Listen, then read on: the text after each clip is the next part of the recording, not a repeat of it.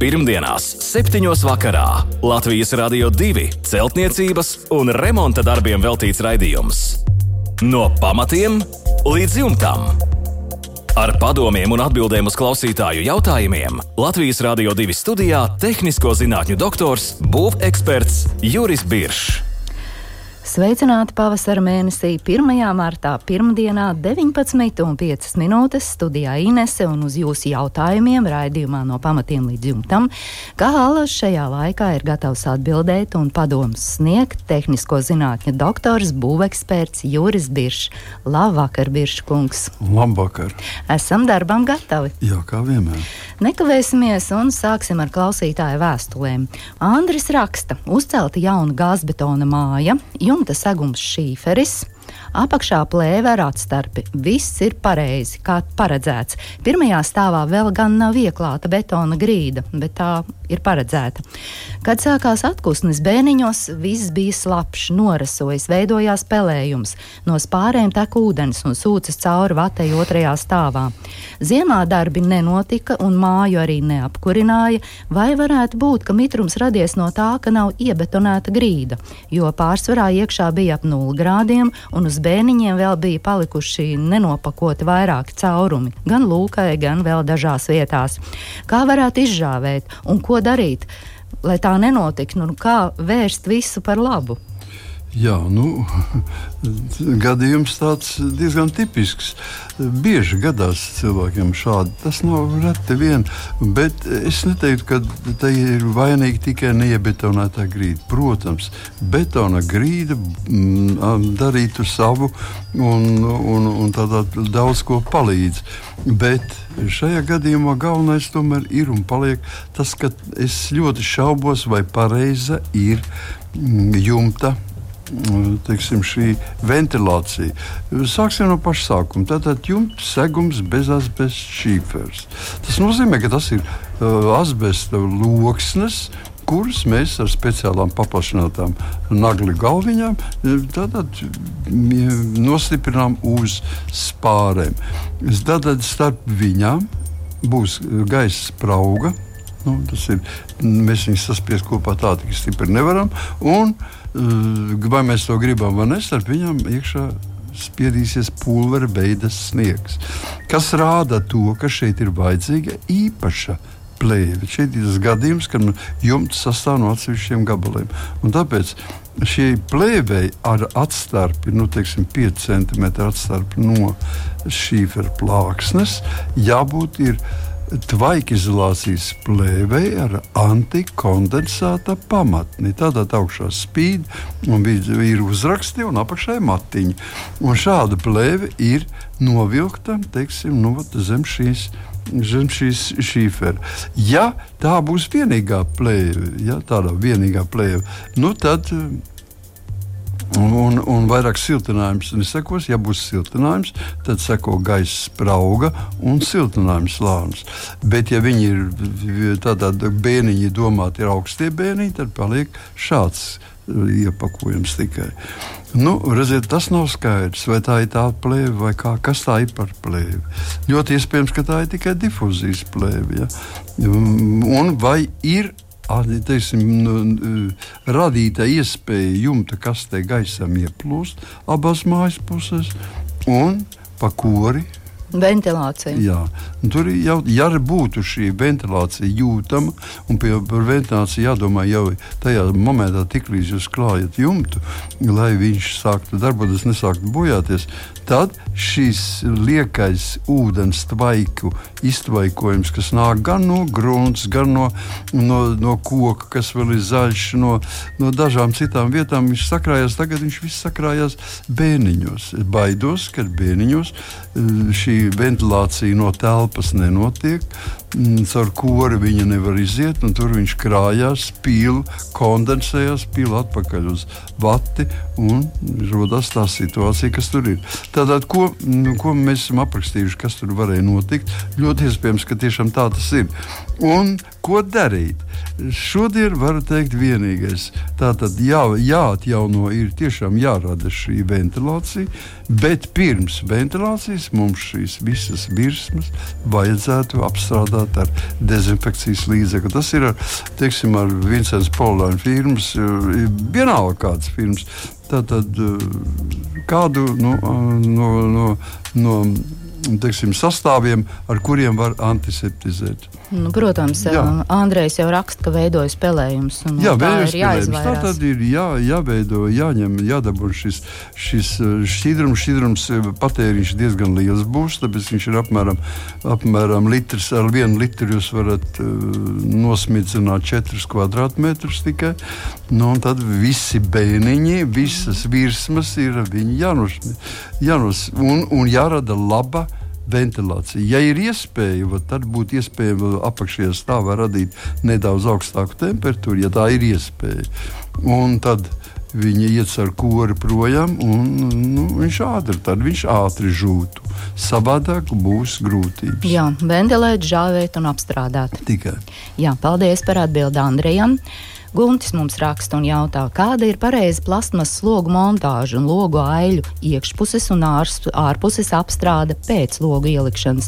Nu, bieži ir redzamas putas, kuras laika gaitā ir kļuvušas dzeltenas, neizskatās pievilcīgi. Nu, jāpiekrīt Jā. Jā, tā bija Ivara vēstule. Es pilnīgi piekrītu Ivaram, ka pirmkārt tas neizskatās, otram kārtam tas nav ilglaicīgi, un trešām kārtam tā ir viltīgi izsviesta nauda.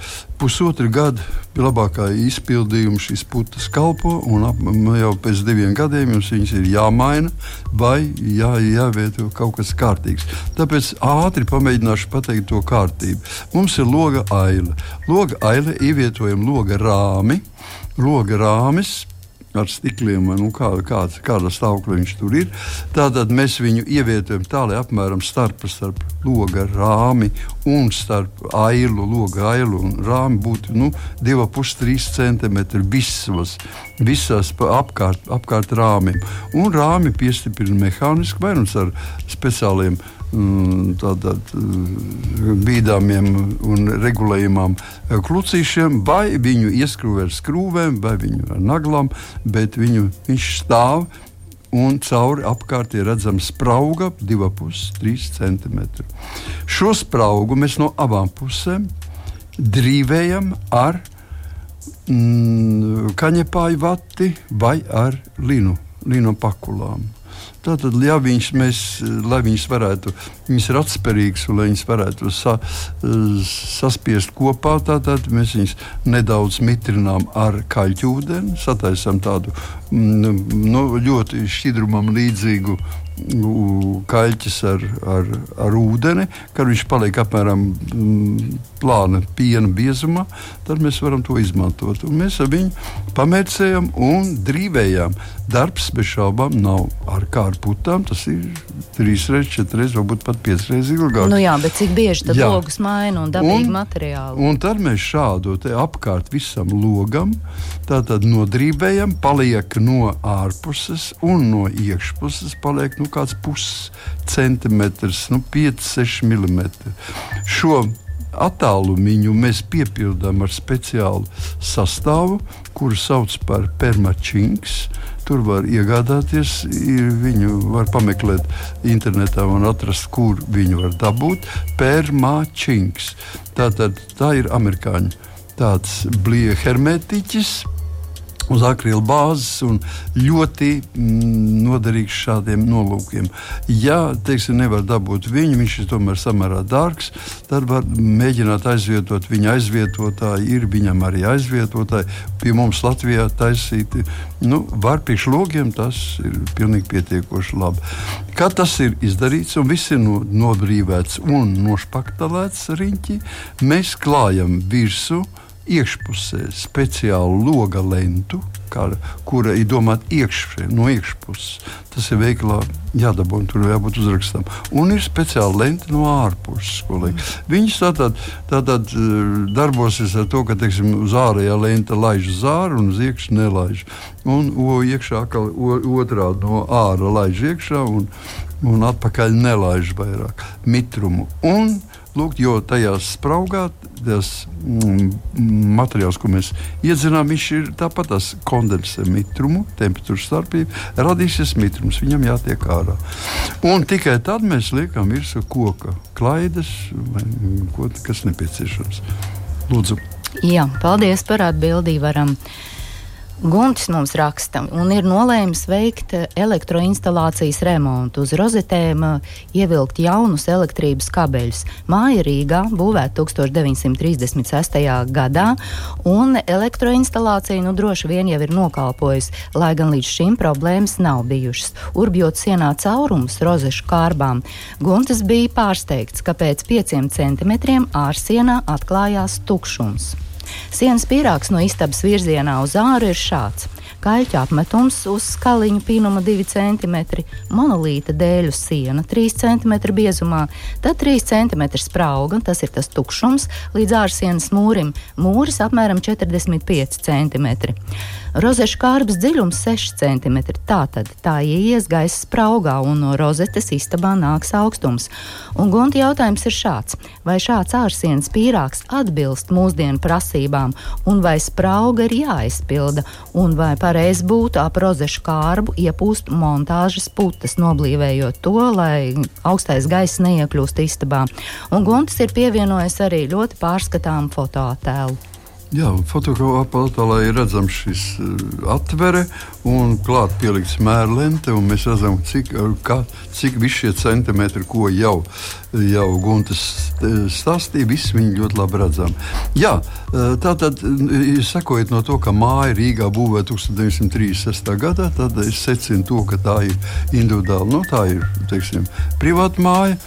Un tātad stāvu ziņā, neliela stāvu ziņā. Jā, vairāk dzīvokļu ir mājām. Jā, vairāk. Nu, un tātad mēs atrodam to, ka ir šis tukšums. Tas nav nekas brīnumains. Ap 1930. gadiem Latvijā nebija tādi siltumizolācijas materiāli ideāli, kādi šodien ir. Tātad mēģināja iztikt ar to, kas ir. Tā kā nekā prātīga nebija. Tad ja cilvēki inženieru prāts izdomāja to, ka mēs varam lietot nekustīgu gaisu. Vienkārši ņemt nekustīgu gaisu un likt viņu iekšā. Bet uh, tas pats tas arī notiek šajā mājā. Tikai nelaime tāda, ka gaiss uh, pēc zināmā laika pievelkās ar mitrumu. Viņš ir jāventilē, viņš ir jāmaina. Pa ziemu viņš pievelkās ar mitrumu. Un pavasarī, vasarā viņš ir jāventilē strauji, lai viss būtu kārtībā. Šeit tā lieta ne, ir. Neviens nezināja to, neviens to nav darījis. Un tādēļ ir iespējams, ka šīs šeit visu laiku ir vaļā, vai arī visu laiku ir cieta. Nu, nerunāsim garu un plaši. Viena lieta ir skaidra. Cauri šī, šī sprauga ir jāizpilda ar kaut ko. Tātad ar siltumizolācijas materiālu. To prasa Latvijas būvnormatīvs 00219. Un tas ir obligāti jāizdara. Tātad piepūšam to vai nu ar ekovati, vai ar Rigi per 035. Tāds mazs, mazs uzpūsts putu polistirola lodīts melnā krāsā. Man liekas, ka ar to pie tikai ne ar ar putām. Putas ir pēdējais variants, un arī tikai tad, ja šī sprauga nebūtu 3 cm, bet būtu teiksim, puscentimetri, tikai tad mēs varētu mēģināt darīt. Šeit ir ideāli apstākļi ar ekovati vai ar Rigiperu 0,35. Un nu, tātad neatbilst, protams, ka viņi neatbilst, ja neatbilst Latvijas likumdošanai, tad arī nevar būt nekādas runas par to, ka viņi atbilst mūsdienas prasībām. Un at, pats beidzamais par montāžu putām. Ja jūs to darīsiet ar montāžu putiem, to var uz laiku, kā jau teicu, pusotru, divu gadu laikā, jums būs uzlabojums, bet jums paliks šī sprauga, un šī sprauga velk, tātad rada šajā spraugā kondensējas mitrums. Ja? Tātad šis mitrums vienmēr uzturās šajā spraugā, īpaši, ja viņi vēl cieta. Ja? Un tas nozīmē, ka viņu obligāti vajag aizpildīt, un nekādas putas ne, bet aizpildīt ar ekovati vai Rigipēlu 035. Mm -hmm. Jā, paldies par atbildi Guntim. Aldim ir guļbaļķu māja apšūta ar dēlīšiem. Un uh, Aldis raksta, vēlamies dēļu apšuvumu noņemt, māju siltināt ar cieto vati un uzklāt dekoratīvu apmetumu. Nu, kā to varētu pareizi paveikt? Darba jā, nu, secību. Jā, ļoti jauki. Jautājums ir tieši pēc tam, kad mēs tikko runājam par tukšumiem sienā. Tātad galvenais tas ir ļoti vienkārši ņemt vienkārši šo teiksim, akmens vati un klāt uz guļ, guļbūvis. Nav nekāda problēma. Ja viņa ir no frēzētiem baļķiem, tad taisnība, ja viņi ir no apaļiem baļķiem, tad mums parādīsies tukšumi. Ja? Un ar dēlīšiem apšuvam tas vēl nebija nekas, bet šodien, ja mēs gribam siltināt, tad tas ir pretī Latvijas būvnormatīviem. Tātad, lai tas tā nebūtu, jāskatās, lai šie trīs stūra veida tukšumi starp baļķiem, kas mums iet līdz virsmai, ja, kas radīsies, kad pieliksim klāt plāksni ar, ar siltumizolāciju, lai viņi būtu pilni ar siltumizolāciju, vai ar, ar, ar akmens vati, vai ar ekovati. Tas nav būtiski nemaina. Tas arī ir viss. Pēc tam, kad mēs esam izveidojuši siltumizolācijas kārtu, kurā nav nekādi tukšumi, mēs uz viņas klājam sietiņu un klājam virsū nu, apmetu, pēc tam krāsojam. Uh mhm. -huh. Jā, paldies par atbildi. Pirmdienās, 7. vakarā Latvijas Rādio 2 celtniecības un remonta darbiem veltīts raidījums. No pamatiem līdz jumtam. Ar padomiem un atbildēm uz klausītāju jautājumiem Latvijas Rādio 2 studijā - tehnisko zinātņu doktors, būveksperts Juris Biršs. Turpinām ar Aināru atsūtīto vēstuli un jautājumiem. Ainārs remontē vecu lauku māju. Gribēja siltināt bēniņu griestus. Griesti ir tā sauktais trīnītis.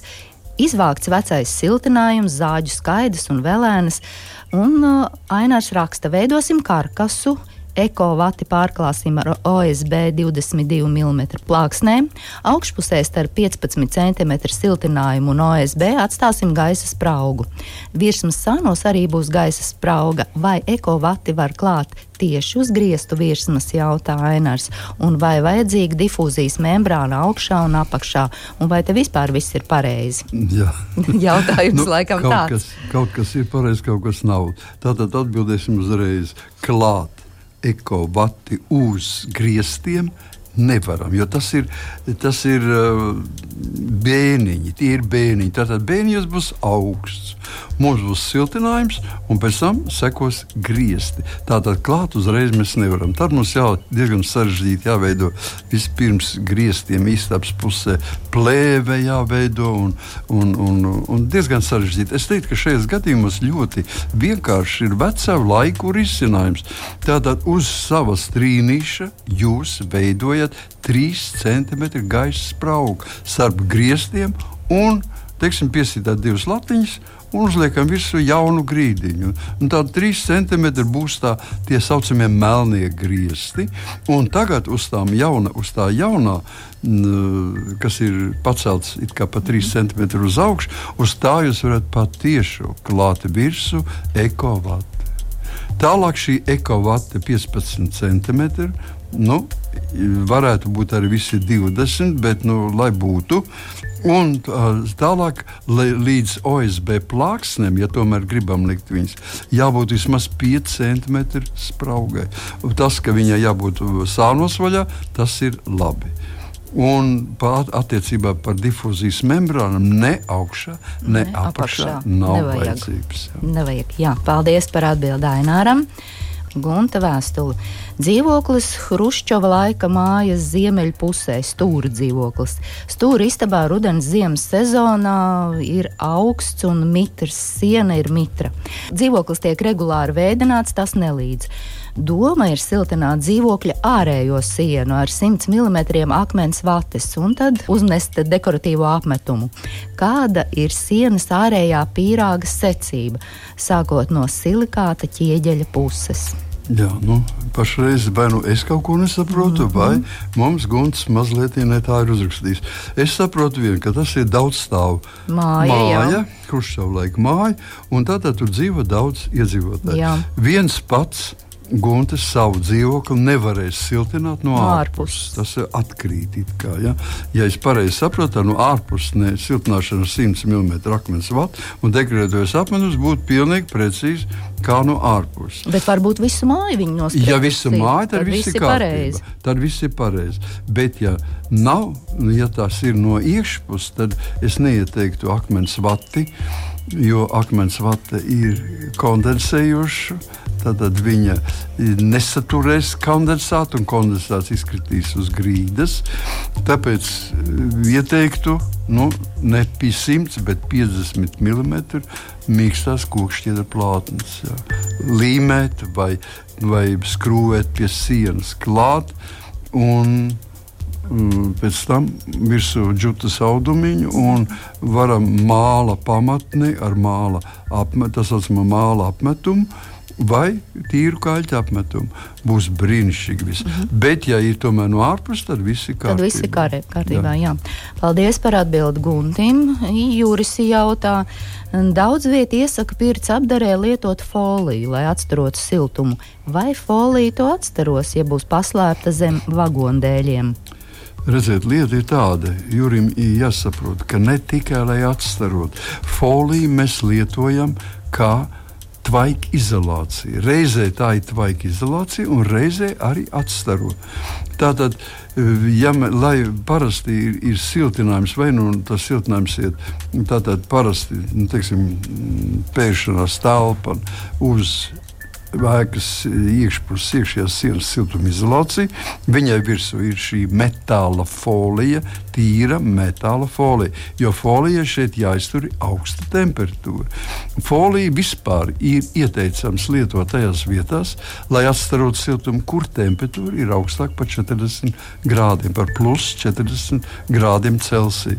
Ja temperatūra ir zemāka, efekte, efekts ir nulle vai vienkārši neizmērāmi mazs. Ja temperatūra ir lielāka, jo lielāks ir efekts. Tā kā pirtī šis, šī temperatūra noteikti ir augstāka par 40 grādiem, tad mēs viņu iesakām lietot. Reizē tā ir tvaika izolācija reizē atstaros siltumu. Bet, e, bet Juris saka, būs apslēpts zem vagondēļiem. Viņa e, starp foliju un vagondēļiem ir jābūt vismaz 5 cm spraugai, kurā virzīsies, pa kuru virzīsies, teiksim, gaiss virzīsies. Ja? Tā tad, un jau šis gaiss dos savu siltumu, tiks atstarots atpakaļ. Viņai nav jābūt e, redzamai, teiksim, atsektai. Jā, jā. atsektai. Tāda viņa ir. Arī ja šādā telpā vienkārši būs klāta, nebūs šī gaisa sprauga, kas ir slikti, bet gaisa sprauga, ja nebūtu, viņa arī atstarot atpakaļ. Tas nekas, ka priekšā ir dēļ. Mhm. Jā, paldies par atbildi Jurim. Antona vēstule un jautājums. Koka guļbūve celta 60. gados, aplikta ar silikāta ķieģeļiem. Kāda būtu labākā silikāta ķieģeļu ārsienu apdare? Ārsienās vietām ir izveidojušās nelielas plaisas. Nu, man kā būvniekam uzreiz jau aizdomas ir. Tātad ir ir guļbūve, tas ir koks, un ir aplikta ar silikāta ķieģeļiem. Salikt kopā viņas nevar, tad starpā ir sprauga. Droši vien. Un, ja sprauga un nav šī sprauga veidināma, un nav ne par viņu nerūpējas un nedomā, tad, protams, kad, kad ir brīži, kad ūdens tvaiks sakrājās vai kāds cits eh, siltuma vai citu iemeslu dēļ rodās šīs spraugas, šīs plaisas rodās, jo viņas mēģina tikt uz ārā. Tātad pirmais, kas būtu jādara, jāskatās, vai šie šī silikāta ķieģeļa ārsiena ir stabila. Viņa vienkārši mehāniski vai pagrūstīta un paskatīs, vai viņa nešūpojas, vai viņa ir stingra. Ja viņa ir stingra, būtu ieteicams šo spraugu aizpūst uzmanīgi, jo viņi var izgāzt ārā. Vai varbūt tas iespējams, vēl, ka nepieciešams viņu, viņu teiksim, ar kādu dībeli savienot, izurbt caurumu caur ķieģeļiem un savienot ar, nu, likt, lai viņa turētos ar platu galu, jā, lai viņi tikt noankurot. Un tad uz šīs uz šīs silikāta ķieģeļa visprātīgākais ir nekādas krāsas vai apmetums uzlikt nu, kaut vai 3 vai 5 centimetru biezu akmens vatas, cietas akmens vatas slāni. Un tad uz viņu var, var likt, ak, var, var apšūt viņu ar visu skaistāko, ko jums vēlaties, vai var likt virsū uz viņa apmetumu. Jā, paldies par atbildi. Jautā klausītājs. Un nākamā klausītāja jautājums ir Kristapa. Ar ko labāk pēc remonta nomazgāt grīdas baltumu? No šāda problēma noteikti daudz ir sastapušies. Un otrs viņa jautājums ir, vai tas ir normāli, ja krāsnes izsit tādu kā dūmu smaku, cukas un dūmvats ir iztīrīts. Jā, nu tā par pirmo daļu ir, ir vienkāršāk jautājumi. Tikai būtu ļoti labi, ja mums pateikt, kas tā pa grīdi ir. Jā. Jo savi līdzekļi ir koku grīdam, un savi līdzekļi ir, ir minerāla grīdam, teiksim, betonam un tā tā. Tur nav problēma. Mēs viņu, ja mēs viņus mazgājam, attīrām, pieliekam klāt nedaudz skābi, un mēs viņu dabonam, dabū, viņš reaģē. Skābi parasti reaģē ar visiem tiem krītiem un viss, kas, pār, kas nepieciešams. Un pēc tam viņu mazgājam ar, ar ūdeni, kuram klāt ir teiksim, tehniskā soda nedaudz, mm. lai mēs neutralizētu. Tas būtu par betonu, kas attiecas par koku. Tur mēs parasti neliekam šādas iekšā. Nu, šeit ir vislabākais, kas varētu būt. Tas ir silts ziepjūdens. Vislabākais. Jā, paldies. Un par krāsnīm un cukām tur nu, droši vien meistariem jāprasa. Par krāsnīm un cukām ir meistariem, bet es jums no savas pieredzes varu teikt, ka šeit viss ļoti spēcīgi atkarīgs no tā, no ļoti daudziem faktoriem. Cik augsts atrodas jūsu e, skurstenis, vai viņa virs viņa ir jumtiņš. Ja tas jumtiņš ir, viņi var paregulēt uz zemi un uz augšu, dabūt tādu situāciju, kad nesit šos dūmu, šī dūmu dūmu smaka, ja, neveidojas. Nu, varbūt ir kāds koks pieaudzis, vai mazliet. Tas atkarīgs no ļoti daudziem. Man būtu jāredz šī situācija, tad varētu kaut ko konkrētu nu. Jā, un... Tā ir tikai zīmēšana. Un arī no laika apstākļiem tas jā, ir atkarīgs. Jā. Nu, tādi krāsni meistari, nu, es neesmu krāsnes meistars, bet viņi arī no savas milzīgās pieredzes var nosaukt daudz konkrētākus mērus. Jā, paldies par par atbildi Kristapam. Raimons jautā, kā pareizi siltināt uh, bēniņu grīdu. 1898. gadā celta divstāvu koka ēka, dēļu grīda un izdeģi. Vai izdeģi uh, ir jāatstāj un kā tālāk rīkoties, kā siltināt ēkas otrā stāvu grīdu, ja zem tās ir tukšums? Nu, praktiski divi jā, jautājumi. Jā, tātad praktiski pa pirmo jautājumu. Jā. Kā pareizi siltināt bērnu grīdu? Mums ir izdeģi, tātad mhm. starp sijām atrodas izdeģi, un tā, tie jau ir veci, viņi ir sabirzuši, putekļaini, un tāpēc mums jau gribētos ķerties viņiem klāt. Parasti viņi ir no 15 līdz 20 cm biezumam. Mēs skatāmies, vai otrā stāva griezti ir līdzeni, vai redzamas, varbūt ir, ir mm, grieztu sijas, vai viņas ir ieliekušas. Ja mēs redzam kaut kādas deformācijas, un griezti ir ieliekti, vai sijas ir ieliektas, mēs divas trešdaļas no izdečiem uh, aizvācam prom un papildinām to vai nu ar vieglām ker keramzītām frakcijām, vai vislabākais ar ekovati vai ar parastu minerālu vati. Un, un, uh, jā, un, un, un citu visu vākt projām nekādā gadījumā. Ja nekas nav, viss ir kārtībā, liekam droši virsū 20 cm teiksim, minerālu vatu. Kā siltināt otrā stāva ēkas grīdu, ja zem tās ir tukšums? Viņa nav jāsiltina. Viņa vienkārši ļoti spēcīgi dos jums akustiskus efektus. Ja visi dzirdēs gan augšā, gan apakšā, bet e, siltums praktiski iet gan no pirmā stāva uz otru, un tas pieder jums. Ja tas ir citam pieder, tad, ja, tad tur ir savādāk. Var mēģināt sargāt to siltumu. Nu, redzi, un par siltumu sargāšanu ir arī mūsu pēdējais jautājums, un to ir atsūtījusi Laima.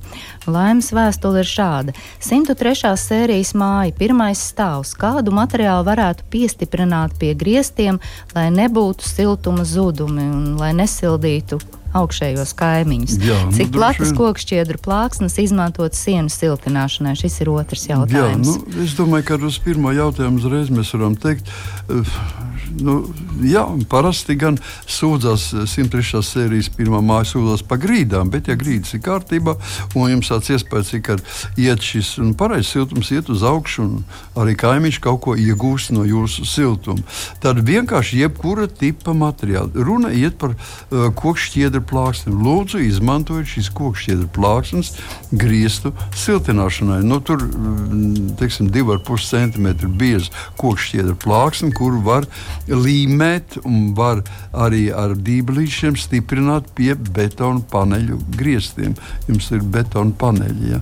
Tātad ar to, to var darīt. Un tad viņus tāpat, tāpat tās noklāja ar džutas audumu un, ap, un vai no apšuja ar kādu plākšņu materiālu vai apmetums. Mm -hmm. nu, viss atkarīgs no cik šai ēkai augsti tie griezti. Parasti viņi augsti nav tur, jā, katrs centimetrs ir svarīgs. Kas attiecas par kokšķiedru plāksnes, tad eh, platumu tad es šaubos, varat izmantot jo platāks, jo labāks, bet uh, droši vien, ka šeit doma bija par biezumu. Ja? Tātad izmantojam, vienmēr cenšamies izmantot 2,5 cm, jeb 25 mm biezas plātnes.